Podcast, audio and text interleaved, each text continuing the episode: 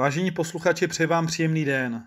Jak již víte, jmenuji se Honza Šírek a pracuji ve společnosti ČSOB Asset Management. V tomto podcastu se budu věnovat poměrně populárnímu tématu a to je otázka investice do korporátních neboli firemních dluhopisů.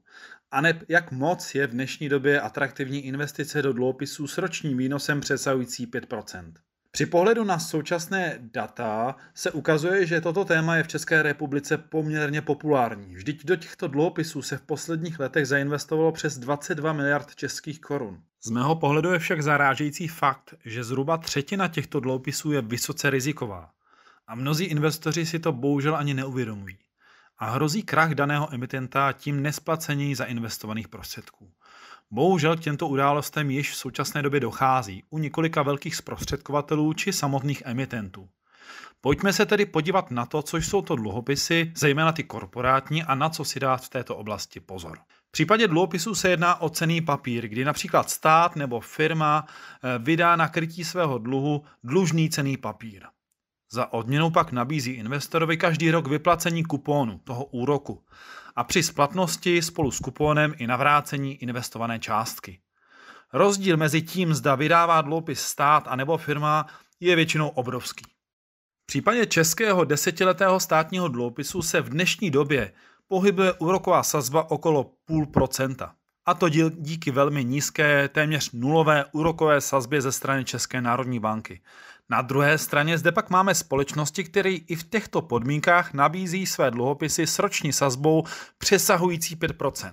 Jaké rizika je potřeba v případě těchto firmních nebo korporátních dluhopisů vnímat?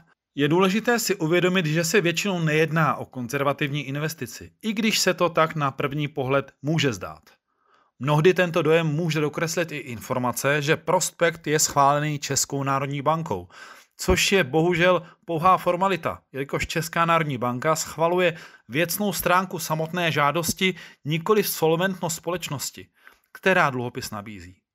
Dluhopisy nejsou pojištění v podobě podobně jako spořící produkty v bankách a proto je není možné s těmito dluhopisy ani srovnávat. V případě měření kvality dluhopisů se můžeme mnohdy setkat i s takzvaným ratingem kde se setkáte s dluhopisy s takzvaným investičním ratingem, který jsou eh, bezpečnější, ale zároveň nabízí nižší výnos, a také s dluhopisy se spekulativním ratingem, neboli dluhopisy, které jsou rizikové, ale na druhou stranu s vyšším výnosem.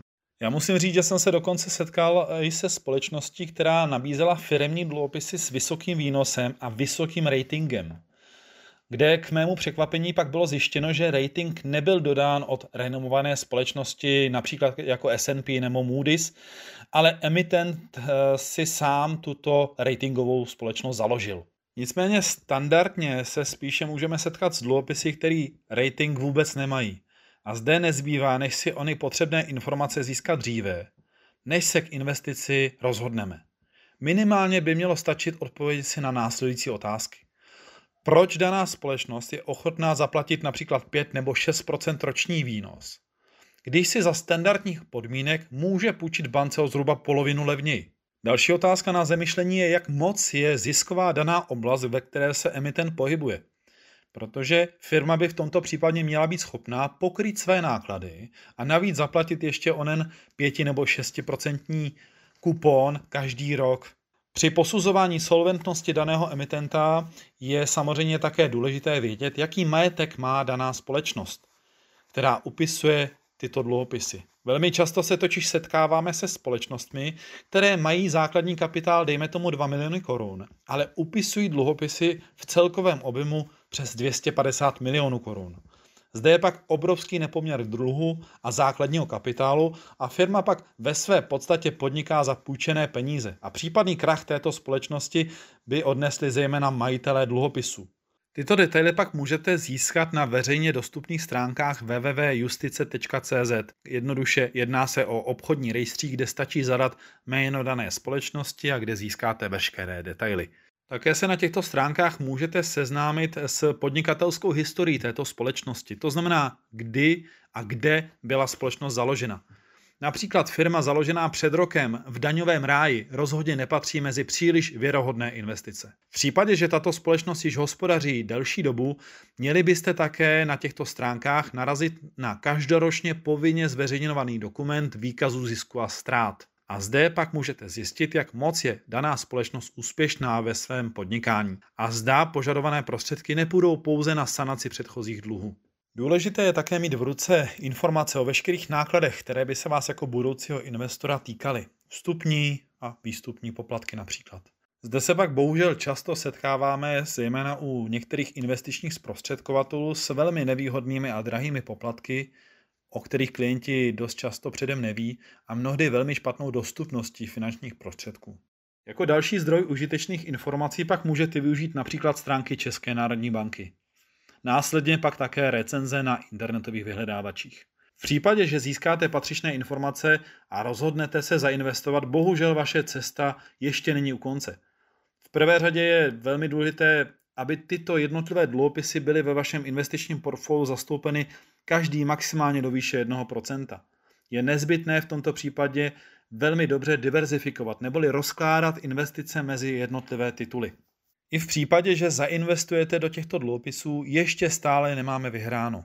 Jelikož byste měli sledovat danou společnost a její hospodaření tak, abyste měli možnost včasně zasáhnout v případě zhoršené hospodářské situace společnosti a prostředky včas vybrat. No, jak můžete slyšet, investovat do korporátních dluhopisů není tak jednoduché a bohužel mnohdy tak bezpečné, jak se může zdát. Je zde mnoho rizik a pro jejich snížení je nezbytné udělat velké množství aktivit, na které jednoduše většina investorů nemá čas a ani znalosti. Proto je vhodné tuto aktivitu přenechat profesionálům, kteří se v této oblasti pohybují dlouhodobě a jsou schopni za vás sledovat vývoj nejen těchto dluhopisů, ale také hledat mnohdy investičně zajímavější příležitosti v akciových investicích. Tito správci jednak využívají profesionální informační systémy, jako například Bloomberg, ale také jsou schopni vám ze své pozice správce investičních fondů ušetřit jak čas, tak i peníze. Jelikož jsou schopni dostat lepší podmínky při jednotlivých úkonech, než by získal drobný investor. Se správci se pak můžete setkat například ve smíšených fondech, kde se starají jak o akciovou, tak i dluhopisovou složku. Například ve fondu časové bohatství můžete najít jak cca 100 různých akciových společností a více než 150 různých dluhopisů, zejména těch bezpečných státních. V případě profilových fondů se pak počty jednotlivých akcí a dluhopisů pohybují v řádu tisíců. To je z mé strany k tomuto tématu zatím vše. Já vám přeji mnoho dlouhodobě úspěšných investic a hlavně hodně zdraví a pohody v dnešním světě. Váš Honza Šírek.